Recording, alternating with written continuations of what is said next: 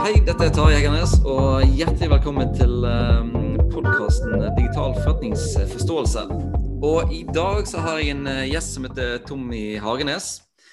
Som uh, er som brent for dette her med teknologi og bygg. Så um, uh, det skal bli spennende å høre mer om. Det er et sånt felt som jeg ikke kan så mye om, ikke om sjøl. Og um, Eh, Tommy er glad i smarte ting, og han, eh, jeg har hørt han på flere podkaster. Og han har sin egen podkast, så det kan han kanskje få lov å reklamere, reklamere litt på den eh, etterpå. veldig spennende fyr, og kanskje i en bransje som er litt konservativ. Og der kjenner jeg meg igjen, for jeg syns jo at høyere utdanning er kjempekonservativ når det kommer til, iallfall til, til, til pedagogikk. Og en sånn uh, artig sak som jeg, som jeg, kjenner meg litt igjen i her, det er jo at uh, når jeg snakket med Tommy vi skulle, vi skulle, egentlig møtes fysisk, men så kom det en ny nedstenging. Og så sa han at uh, ja, men det går greit, for jeg har podkaststudio hjemme. Det, det, det, forundrer meg ikke. Og så, det, og så um, har jeg òg hørt det at i sitt eget hjem så har Tommy mer enn 1300 sensorer som, eh, som gjør forskjellige um, nyttige ting, og kanskje noen artige ting òg. Så uh, tusen takk for uh, at du uh, har tatt deg tid til å være med i podkasten i dag, Tommy. Og, um, kan du bare introdusere deg sjøl litt og, og, og, de tingene som du driver på med? Takk, tusen takk for det, og takk for en bra introduksjon. Det, det var, det var, jeg vet ikke hvor jeg skal begynne, men, men siden du nevnte sensoren hjemme, så kan jeg si at det var jo det var jo egentlig der min historie startet. Jeg eh, jobbet med den tradisjonelle styringen av bygg i form av byggautomasjon. Eh, og så var hobbyen på, på kveldstid var jo eh, egentlig å holde på med litt eh, ja, Arduino, Raspberry Pi, Enotion, Z-Wave lenge før det var eh, så vanlig som det var i dag.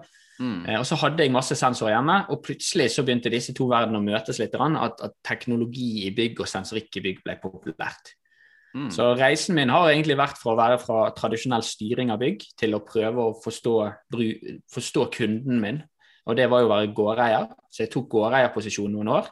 Før jeg til slutt startet eh, et rådgivende selskap som heter Energy Control, eh, som skulle hjelpe både tech-selskapene og eiendomsselskapene for mm. å egentlig løse det problemet at hyttene våre er blitt smartere enn næringsbyggene. Så her må vi gjøre noe nå. Mm. Det er spennende. Og jeg, jeg, liker godt den posisjonen som du tar mellom teknologene og eh, byggfolkene. For det er jo den posisjonen som egentlig boken min og jeg sjøl prøver å ta. Det er sånn mellom verdiskapning og, og, og teknologi. Så det, det er spennende. Um, kan du fortelle litt om, um, uh, om dette Proptech Bergen, som, som du har en, en, en, stor rolle i? Det syns jeg er kjempeinteressant. Ja. Ja, Proptech Bergen var når jeg startet rådgivende selskap Energy Control og skulle prøve, prøve å overbevise en litt konservativ byggebransje om at her skal vi bruke ny teknologi, så, så, var ikke det nok å på en måte si at jeg har masse sensorer hjemme. For da, blir du bare slått ned og sier at dette, ja, det er sånn hjemme, det er sånn tullegreie hjemme som du leker med. Mm. Så da fant jeg ut at uh, her må jeg rett og slett jeg må bevise at dette virker. Og, og tro det eller ei, men i 2018 så var det helt absurd for eh, byggebransjen å bruke trådløse sensorer. Altså mm. Trådløs teknologi virker jo ikke. Det er jo ikke sånn at vi sitter med en PC som er trådløs, eller mobil som er trådløs hver eneste dag. Men at mm. vi, vi, stoler fortsatt ikke på at den sensoren som sender telegram hvert femte minutt, at den skal virke. Mm. Eh, så, så, det var egentlig første, første problemet, var at OK, vi kan ikke holde på med ki kilometervis med kabling. Og, og, det er jo, det første så er det dyrt, det er gammeldags, det er lite fleksibelt. Og hver gang vi skal flytte på en vegg, så skal tømreren ha 5000 kroner, og så skal de tekniske fagene ha 120 000 kroner. Så, mm. så da, da, gikk jeg egentlig bredt ut i markedet og spurte gårdeierne jeg trenger en levende lab. Kan du, kan, hva bygg der ute er tomt, eh, gammelt, eh, utdatert, som jeg kan leke meg på? Jeg var kjempeheldig og fikk napp av Nordea, som har et bygg på Kokstad, Flaten 4. Gamle mm. Slumberger-bygget. Eh, og det var Utenom at det var tannlege og lege i kjelleren, så var det helt tomt, og det så tomt i mange år. Og der flyttet vi egentlig inn fra, fra dag én med én nøkkel. Eh, ventilasjonsanlegg som ikke virket, kjølemaskin som ikke virket. Mm. Eh, og generelt litt utdatert kontor. Og mm. der startet egentlig reisen vår med en lab. Mm. Veldig spennende. Um, Jeg, jeg, gikk jo eh, gjennom byen en dag og, og hørte, hørte, på deg på podkast, faktisk. Og så så jeg litt rundt og så på egentlig alle de der bygningene som er rundt omkring i, i byen. Og jeg, jeg, bor i Sandviken, så jeg har jo på en måte bygninger hele veien, eh, hele veien til jobb. Og så tenker jeg litt at dette er jo eh, enorme, altså enorme ressurser som ligger i de byggene her. Og det er liksom sånne stille, stille giganter som ligger rundt oss, og som som du på en måte ikke tenker, tenker så masse på når du, når du, bor, når du bor, i de. Iallfall ikke, i ikke jeg. da. Og um, jeg er jo uh, jeg er jo vokst opp med å, måte, å være litt uh, gniten og har fått beskjed at du må ikke fyre for kråkene og sånne ting. Og, og det slo meg egentlig hvor, hvor, hvor egentlig svære ressurser det her, det her er snakk om. Og, og mm. eh, at dette må jo Her må det være muligheter å og, og, og, digitalisere litt for å øke verdi av, av disse bygningene på, på, ulike vis. Men um, ja. denne, dette begrepet proptech, uh, kan du på en måte definere Har det noen sånn kjerne som er rundt omkring? Og mm. hva uh, innbefatter det alt med, med, med, bygging og boliger og leie og eie og uh, selge og alt det der? Du, altså, så proptech er det, ja, det, er, det, er helt riktig det du sier. Proptech er veldig veldig vidt. Det, mm. det, jo, det er jo forkortet ord, slått sammen fra property technology. Eh, fornorsket, forenklet eiendomsteknologi, altså all teknologi du kan bruke i, i byggene våre. Så det mm. er jo alt fra hvordan du kjøper og selger, hvordan du kan ha visninger, hvordan du kan drifte bedre, hvordan du kan spare energi, eh, hvordan du egentlig bruker teknologi i, i alle faser av et byggets livsløp. Om det er planlegging, drift, kjøp, salg, transaksjonsmarkedet eh, mm. til det går i graven. Da. Så det er et veldig vidt begrep, og det er helt riktig det du sier. Byggebransjen er jo den såkalte 40 eh, %-bransjen eller en tredjedelsbransjen. Vi, vi, vi, står for 40% av energiforbruket globalt. Mm. Vi er en ekstremt stor påvirkning. Og veldig ofte så blir det trukket frem som noe negativt, mens, mens, jeg prøver jo alltid å motivere og si at i eiendomsbransjen så har vi et enormt potensial. Bare tenk hvis Tenk hvis du finner en sensor eller en eller annen dings som gjør at vi sparer 2% energi i et bygg, og det er noe som kan globalisere seg. Da har du faktisk løst, da er du med å løse verdensproblemene mm. i hele, altså globalt. Så det, det gir jo enorme muligheter. Og så vet vi òg at vi er på sisteplass på, eller annen sisteplass på digitalisering i henhold til McKinsey 2016. Vi er på sisteplass i bruk av IOT, smarte dingser, i uh, Unisus sin, sin undersøkelse i i 2020. Mm. Og i tillegg, så etter hvis jeg skal, I fare for å kvote meg sjøl, men i mars i fjor så skrev jeg en artikkel i, i TU der vi egentlig strøk på eksamen. Når alle skoler, alle barnehager, eh, alle næringsbygg og kontorer sto tomme, så brukte vi akkurat det samme energiforbruket som vi brukte mm. før vi stengte ned. Ja. Og Det er ganske krise når vi vet at når et bygg er på dagtid, så bruker det gjerne en tredjedel eller en femtedel mer energi, for da står ventilasjonsanlegg på vi varmer fem grader mer, som koster 25% mer, osv. Det var ingen av byggene sånn generelt sett, det var sikkert noen få unntak, men generelt sett så sparte ikke vi energi i Norge når byggene våre sto tomme. Mm. Det, er, det, det, det, er vel yeah. det er vel definisjonen av å fyre for kråkene. Ja, det er faktisk det. Det er et, et, et tankekors, altså. Um, men ja. eh, hvordan, eh, hvordan, har du på en måte angrepet denne bransjen her? Er det, altså, er det det er jo, det er jo eh, vanskelig Mer vanskelig enn du skulle tro, kanskje, mange plasser å, å innføre digitale løsninger og sånt. Eh, og igjen så kan jeg referere til min, til min egen bransje, selv om mange har blitt flinke av nød av å bruke Zoom og, Teams til å undervise på. Så er det, det er litt sånn friksjon. Så hvordan, hvordan er det du angriper da denne eh, byggebransjen, og, og gjerne liksom som det er, vel, det, er vel, det er, vel, drift av bygg kanskje som er ditt hovedfelt. Eh, hvordan, hvordan angriper du da disse eh, både folkene, og hvordan angriper du det teknologisk? Det er et veldig, er et veldig godt spørsmål. Jeg, jeg stilte meg selv det, det, spørsmålet i 2017. Da stilte jeg meg mange spørsmål. Men det mm. ene var jo hvor, hvor kan jeg påvirke bransjen mest? Eh, og da, da, var svaret veldig enkelt. Eksisterende bygningsmasse det er det som består i 2050. 80% av byggene vi har bygget, eller 80% av byggene i 2050 er allerede bygget. Mm. Så ok, da må, jeg, da må, jeg, være med på eksisterende bygningsmasse. Det er det som er viktig. og så, så, vil jeg jo si at, at en del av Proptech er jo at vi skal forlenge levetiden på bygget. Mm. Eh, vi, vi, ser at byggene pensjoneres altfor tidlig. Jeg mener det er 44 år gjennomsnittstiden på et bygg eller noe sånt. Mm. Det er jo altfor lite. Ja. Og dette her er jo det mange flinke mennesker som, som, som jobber masse med. Eh, og, og bl.a. Ann Sofie på, på Høgskolen på Vestlandet snakker om mye om dette. Og, og, det å forlenge levetiden på bygg, det er så viktig. Og det er jo et symbol vi, vi prøver å oppnå på Proptech Bergen, på et tomt bygg der vi, vi, bruker ny teknologi for å sørge for at, at, dette bygget skal leve i mange, mange år. Mm. Eh, og Det jeg ikke tok med i sted, er jo det at i dag så er jo dette her blitt en, en levende co-work-arena der vi har fylt opp bygget med, med, de kuleste selskapene innenfor teknologi og de tradisjonelle. Så der sitter jo det kjøpte i Technologies, Airthings, sammen med, med byggherrene, sammen med de tekniske fagene.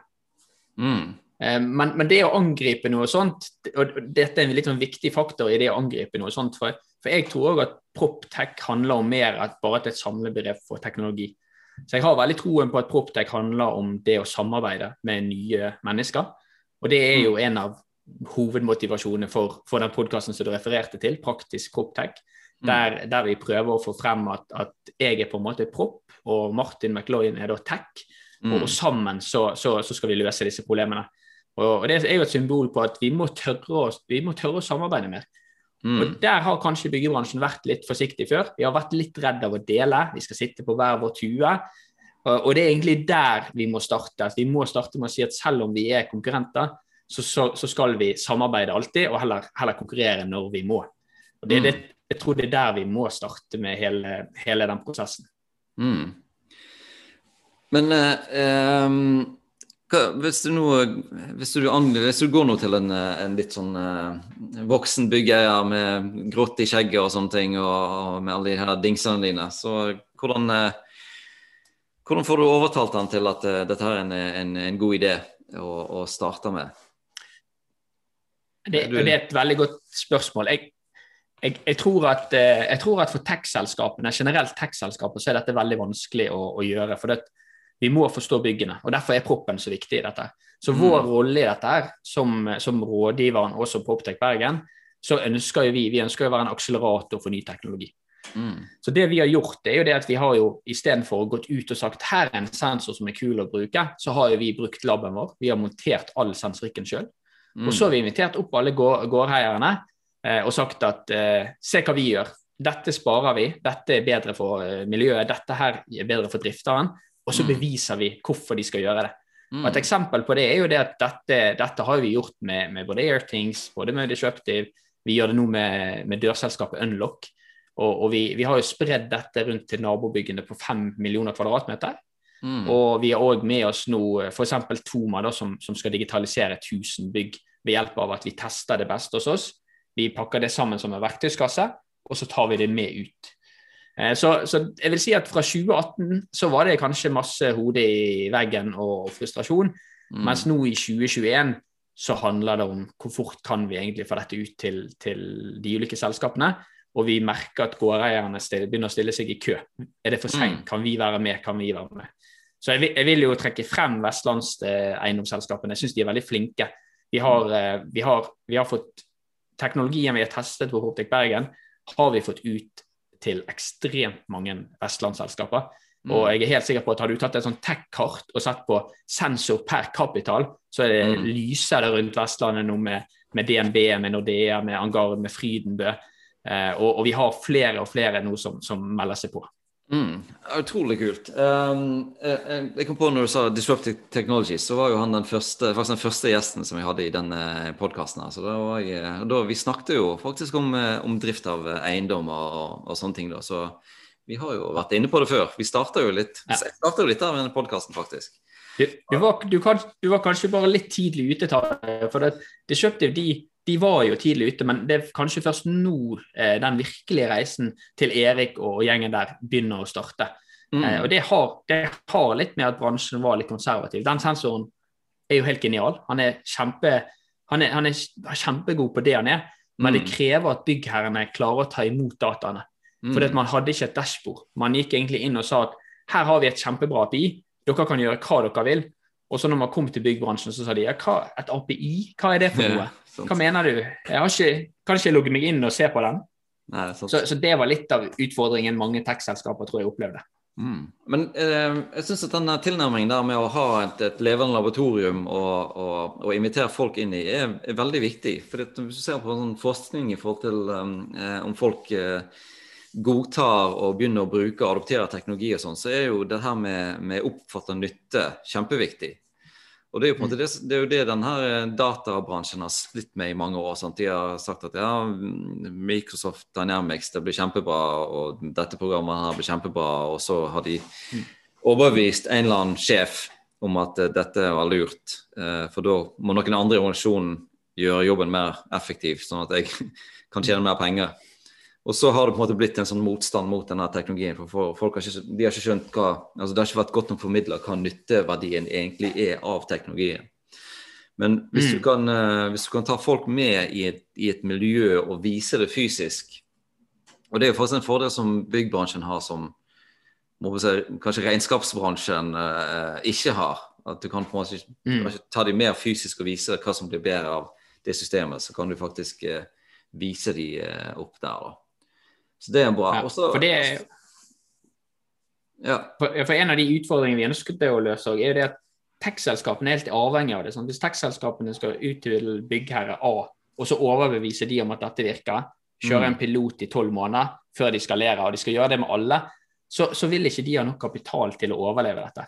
Og Det er òg mm. en viktig aspekt for oss at vi, vi ønsker å være den akseleratoren, og så ønsker vi òg å være så skal det òg sies at i alle, i alle boomer, og jeg mener Poptech er en av disse boomene, vi, det, alle har lyst til å være med på det. Eh, var, før covid så var jeg masse rundt på konferanser i, i USA og eh, LA og, og, og, Tyskland og, og, på UK på disse Expo Real og sånt, og det var jo 80-90 selskaper som skulle løse samme problem.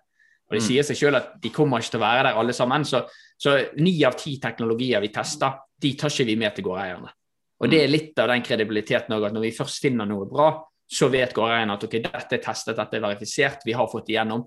Da er ikke vi redd for å kjøre på med det. Men vi må fortsatt være det gråfilter for ni av ti. Men så mm. hjelper vi de også konsulent. Så, og Det som er litt sånn fellesnevner med all teknologien vi har fått ut til gårdselskapene, det er det at når vi første gang vi testet det, så var ikke det godt nok. Men det, så, så, prøvde vi å fortelle, for det er jo gjerne fordi at disse tech-selskapene mangler proppen. De har ikke byggeerfaringen. Og så blir det plutselig de spørsmålene sånn at å ja, så det, det kan være metall i bygget. Sier du det, ja? Ok, Er det òg noe? Eller er det ok, er det flere inngangsdører i et bygg? Ja, ok, nei, det visste ikke vi, for hjemme har vi den inngangsdøren vår hjemme. Det er sånne mm. banale ting. Eller mm. sånne ting som at å ja, hvis du justerer ned ventilasjonsanlegget med 2% så får ikke hele bygget 2% mindre luft. Det kan faktisk være at det rommet som er lengst vekke, det får ingen luft, for det, sånn er fysikken i bygget. Så de mm. mangler på en måte litt den elementære kunnskapen. Og det er derfor, det så, derfor kan jeg ikke si det nok. Er du et tech-selskap, finn deg en prop. Er du et, mm. er du et bygg, tradisjonelt eh, eiendomsselskap, finn deg tekken. Mm. Jeg liker så godt denne historien om, eh, om, om, Amazon eh, helt i starten i garasjen til Jeff Bezos, mm. der, de, der de satt på gulvet og pakka bøker som skulle sendes ut. Og alle som hadde jobba en dag med å selge noe, hadde jo eh, funnet ut at det hadde vært bedre med stoler og bord. De var sånn ja, Hvorfor ikke ta og skaffe noen stoler og et bord her? Å ja, det var lurt. det er liksom, Når du kommer fra det der tech-mindsettet, så er det sånn eh, Det, det er som, som, du sier, at det er ting der som du ikke helt uh, får med deg, rett og slett. Ja. Men du, um, det som jeg tenker på Loret, uh, skal vi snakke litt om uh, rett og slett data i bygg? Fordi at um, det er jo um, det er jo Jeg syns jo det, altså datainnsamling er jo kjempe, kjempespennende. Og hva er det som jeg håper å Hva slags data er det som tradisjonelt har vært samlet inn i bygg, og hva er det som blir mer vanlig nå, og hva ser du som er mer potensial for innsamling av data? Og så kan du gjerne si litt om hva er potensialet å, å, å, å bruke det til? Det som, er, det som er interessant med bygg, den, den, tøffe, røffe sannheten er det at vi har i stort sett grad har vi ingen data om bygg. Det er mm. nå vi starter. Og, og, bakgrunnen for det er rett og slett at eh, da, da må jeg ta på meg liksom den gamle SD-anlegg-hatten min. Når du programmerer et styringssystem for bygg, det tradisjonelle, så samler du inn data der. Det gjør du. Du har på ventilasjon, og på inneklima, på varmeanlegg og energidata. Men du samler det i en PC under pulten til driftsteknikere. Eh, som mest sannsynlig ikke virker nå lenger, og etter man har prøvd å tatt og recovert den harddisken et par ganger. Mm. Men i tillegg så er alle dataene der lagret i et, i et, i et proprietært format. Mm. Jeg har vært med på mange prosjekter der vi har prøvd å hente ut de dataene, men kostnytten er der rett og slett ikke. Mm. Så, så, den tøffe sannheten er at det er først i dag vi har potensial for å begynne å lagre data. Og mm. nå skal det òg sies at det er veldig mange der ute i dag som kjøper nye bygg, men de kjøper teknologi fra 1979 og 1987. Og Det òg er litt en tøff erkjennelse. Jeg skrev en litt lengre oppgave om dette på, på Norsk Energimiljøteknisk Forening sine sider. Og, og, det det handler om der, det er at teknologien vi bruker i bygget i dag, det er stort sett to protokoller. Det er Bachnet og Modbus. Og De har opphavet sitt fra 79-87, lenge før internett. Ingen kryptering på det. Det kan ikke gå via sky. Hvis du putter det ut der, så, så i 2009 så hacket Dagbladet-journalisten 122 sånne styringssystemer uten å ha IT-kunnskaper. Så det er, det er helt, vi, vi, er på en helt annen planet, og vi har ikke skjønt det at, at alle andre snakker på API-er. Eh, og, og, det er det største problemet vi har. Vi, vi ser nå at gårdeierne begynner å stille krav, for de ser at det finnes så mye andre åpne data der ute. Mm. Vi, begynner jo å, vi begynner jo å se litt mot finansbransjen og sett at åpen data i fremtiden. Så vi har jo fått L-hub, som er alle energidata om næringsbyggene våre. Vi har begynt å snakke om eh, Jeg mener du har hatt BIR på besøk her før, og da snakket dere mm. sikkert om Waste IQ, som er dette API-et for, for søppel og boss. Mm. Eh, og vi, vi ser òg at også Meteorologisk institutt har værdata som er viktig for bygg. Og alle disse Proptech-selskapene de har gjerne til felles at de har API-er, de har gode databaser, de er flinke på data. Men mm. byggebransjen tradisjonelt sett med et ventilasjonsanlegg eller noe sånt, det har ikke det. Eh, og i, i, går holdt jeg et, et kurs i sånn grunnutdanning i Proptech som jeg holder innimellom. Og da var spørsmålet fra bransjen eh, kan du forklare API bedre. Hva er det? Har vi det? Det er, som, det er nesten som om du har, om du har covid. Har vi, har vi et API? Ja. Sånn, så, det, så, så, det, er et veldig fremmedord for, for byggebransjen. Mm. Og, og, det, og, jeg, tror, jeg tror 90% av byggebransjen skjønner ikke hvorfor vi skal bruke et API. Men hvorfor kan ikke vi bruke Backnet fra, fra 1987? Vi klarer jo å sende en temperatur fra A til B. Og, mm. han heter jo Building Automation Control, han, han, heter jo navnet vårt. Ikke det den vi skal bruke, da. Og så mm. forstår vi ikke at vi må samarbeide med data. Mm. Så, så dette, dette, spøkelset med gamle system henger igjen eh, i, i eh, flere bransjer, og, og kanskje eh, veldig, veldig eh, en, en, hindring for, for, nyvinning har vært i hvert fall tradisjonelt av disse gamle protokollene. Ja, nå, nå, jeg, skal, jeg, skal ikke, jeg, skal, ikke, dra en kam over alle, for jeg, jobber sammen med noen gårdselskaper som, som, virkelig har begynt å skjønne dette, her, stiller krav. Og vi ser òg at eh, jeg holder på med en del større beskrivelser med store, eh, tunge eiendomsselskaper, der vi begynner å si at data skal lagres åpent, data skal sendes til Asher eller det er den skyen man bruker, og man begynner å implementere dette. Men jeg vil, vil si at 95% av alle bygg der ute i dag, og som bygges i dag, det bygges med en, med en ikke-fremtid for datalagring. Mm. Og det er ganske tøff erkjennelse. Det, det er fortsatt oppsiktsvekkende. Så, så selv om data er den nye oljen, så har ikke vi helt begynt å lage oljeutvinningsutstyret ennå. Nei, skjønner. Ja. Men uh, av det si, oljeutvinningsutstyret som, uh, som fins, altså det som uh, dere har fått til, hva er liksom de store uh, bruksområdene sånn, for, for, de dataene som, som du klarer å hente? Altså, hva, hva, hva, gjør, hva, gjør, vi i byggebransjen med disse dataene, og hvordan, ja, hvordan, hvordan kan det bli på, i framtiden? Nå er det noen initiativer som er startet der vi, der vi har faktisk disse AI-prosjektene og maskinlæringsprosjektene. Mm. Eh, og en veldig viktig, eh, Kanskje det hvis vi starter med, med, hjerterytmen til bygget. Hvis det er mm. noen der ute som har Tibber, som jeg er veldig stor fan av sjøl, på, mm. på, energi hjemme, så har jo de introdusert denne pulsen. Altså du måler energidata hvert andre sekund, og det er hjerterytmen til bygget. Eh, og det ser vi at Bare å begynne med den dataen i bygg, så vil du spare 3-5 energi. Og Det er ganske mm. mye penger for et næringsbygg.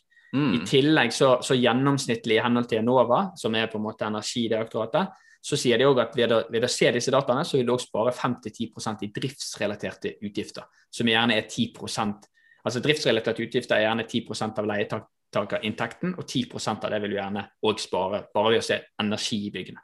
Mm, men hva, og, og hva, er jo, hva, er driftsrelaterte utgifter? Det kan jo være at Og som ikke gikk fra bygg. Det er et godt spørsmål. Altså, så På et bygg så har du gjerne en, en, en driftsorganisasjon som passer på det, og så har du masse tekniske komponenter. Og et bygg er jo sånn, Hvorfor er vi et bygg? Det er jo fordi at vi ikke kan styre inneklimaet ute. Så da flyttes vi inn i bygget, og så skal vi tilføre det bygget med frisk luft, riktig varme og, et, og et tørt og alt dette. Så Mm. de driftsrelaterte utgiftene er jo det at eh, hvis vi kjøper et ventilasjonsanlegg i bygg, så forventer vi gjerne at det skal leve 12-18 år. Hvis ikke det driftes riktig, så kan det være at du må skifte det etter seks år. Ja, det som veldig, så det som er veldig spennende med teknologi i bygg, det er jo det at ja, vi kan få mye kul data, vi kan spare energi, vi kan få et bedre inneklima, bedre produktivitet osv. Men vi kan òg forlenge levetiden på tekniske komponenter og bygget Ja. som sådan. Mm.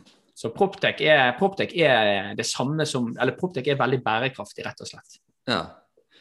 Så, så rett og slett eh, eh, nummer én er energiforbruket, og nummer to er å forlenge levetiden både på bygget, men òg på, på utstyr som er i bygget.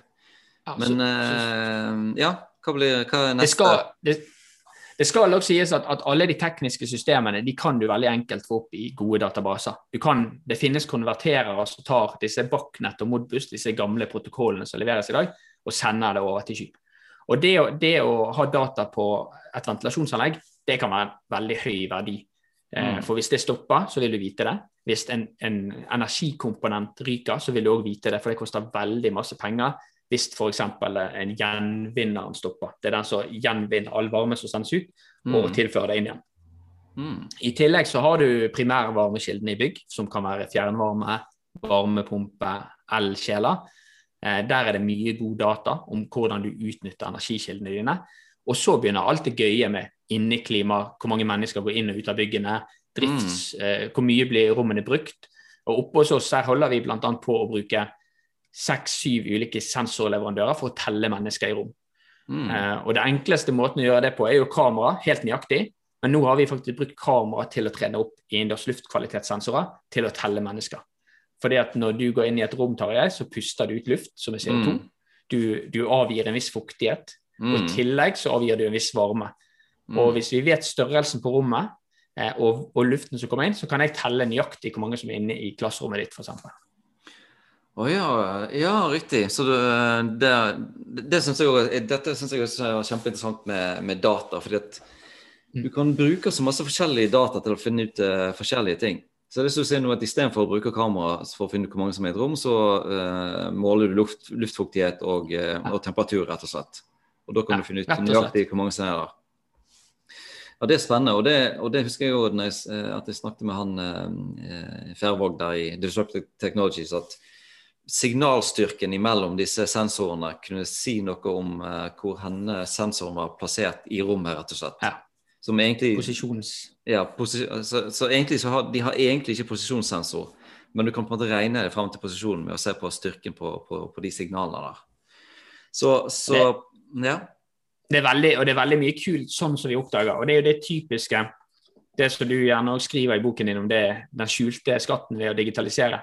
Mm. Og et, et eksempel på det er jo det at eh, en del av Proptech kan jo være at du 3D-skanner bygg.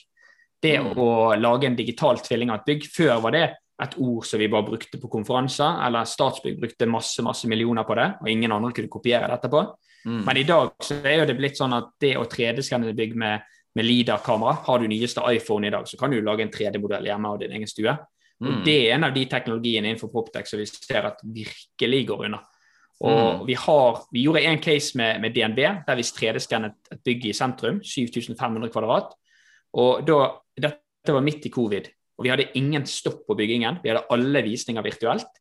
Vi satt 17 konsulenter i byggemøter, der eh, det var en veldig flink prosjektleder som, som, som gikk gjennom hele bygget via 3D-modellen hele tiden. Og vi sparte jo ufattelig masse timer i prosjekteringsøyemed. Vi kunne spørre flere totalentrepriser på, på jobben, for det krevde jo ingen mer ekstraarbeid, det var bare en link. Og Mm. totalentreprenøren som skulle gi pris, sa det at her var jo risikoen helt vekke. Vi så jo absolutt alt. Mm. Og, og det var det vi håpte på, og det ble mye bedre enn vi hadde trodd.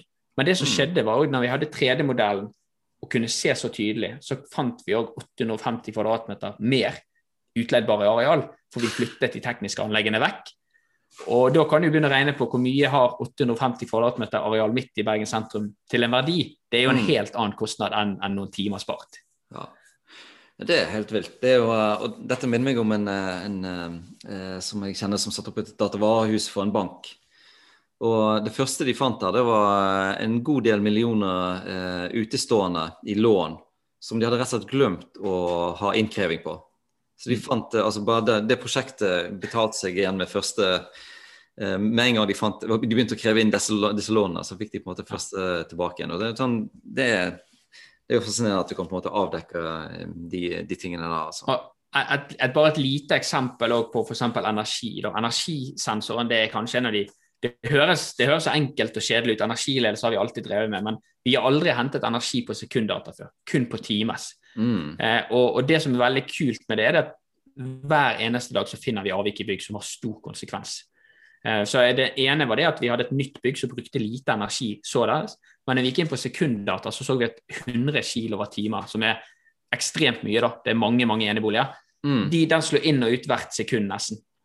Ja. Eh, og, og det er jo hjerterytmen til en, en pasient som er svært syk og har kols og holder på å dø, mener jeg. Ja. Eh, og når Ja. vi gikk inn på det bygget og begynte å analysere, så så vi det at det var feilprogrammert på elskjell.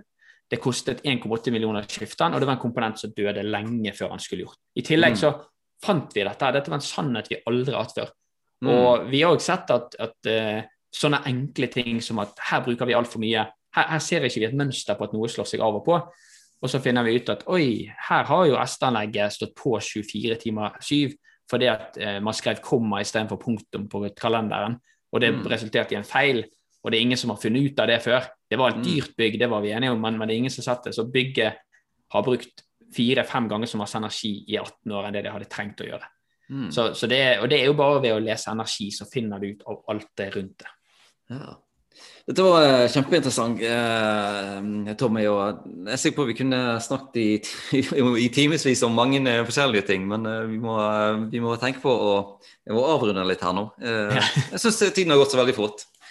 Ja. Eh, men jeg syns jo den der Jeg syns jo egentlig den her um, byggteknologi, eller proptech-reisen, illustrerer jo litt liksom hele den digitaliseringsreisen med, med dette med gamle, gamle systemer. Og eh, gamle systemer møter ny teknologi. Og så er det et gap der som er litt sånn vanskelig å få, få, få, um, få fylt opp, men som du på en måte jobber med både sånn organisatorisk og holdningsmessig og teknologisk måte, å, å flytte eh, Både du og andre holder på å flytte liksom, den bransjen her eh, framover. Og eh, jeg ser jo at dette er jo sånn, et mønster som flere bransjer har på en måte vært inne i, og som flere bransjer eh, vil komme inn i, og som jeg håper at eh, vi med den pedagogiske delen av, av høyskoler, at vi òg kommer litt sånn inn i den delen der at eh, vi samler jo ikke inn så mye data. Altså i, i eh? Når, jeg hadde deg som eh, student på det kurset, så var det jo det var jo en gang i semesteret at vi samla inn noe data altså i, i ytterste konsekvens. Og det er liksom den ene eksamensoppgaven. Mm. Men tenk så mye mer du kunne visst om, om læring. Hvis du Mm. hadde på en måte gått litt den byggeien, altså istedenfor å måle energiforbruket per time, at du måler det per, per dag. Mm. Så eh, det syns jeg er, er, er veldig spennende. Og så eh, syns jeg òg Jeg skriver jo litt om dette med digitale tvillinger i, i boken min, og jeg syns at det er en veldig spennende utvikling. og at eh, at det har så, så, så stort bruksområde, alt fra eh, motorer til eh, mennesker. Sant? Der som, eh, eksempel i boken mitt er fra de NTNU som lager en, en digital tvilling av blodomløpet ditt. Så da, da, da, behandler du ditt, ditt blodomløp, du får ikke en behandling som er basert på tusen andre i, alle, i, i hele verden sitt blodomløp. Og at bygg blir på samme måte, det er på en måte de Du måler de jeg vet ikke om du vil kalle det personligheten og spissfindighetene i, eh, i bygg, og, og gir Mm. de på en måte behandling og, og drift deretter.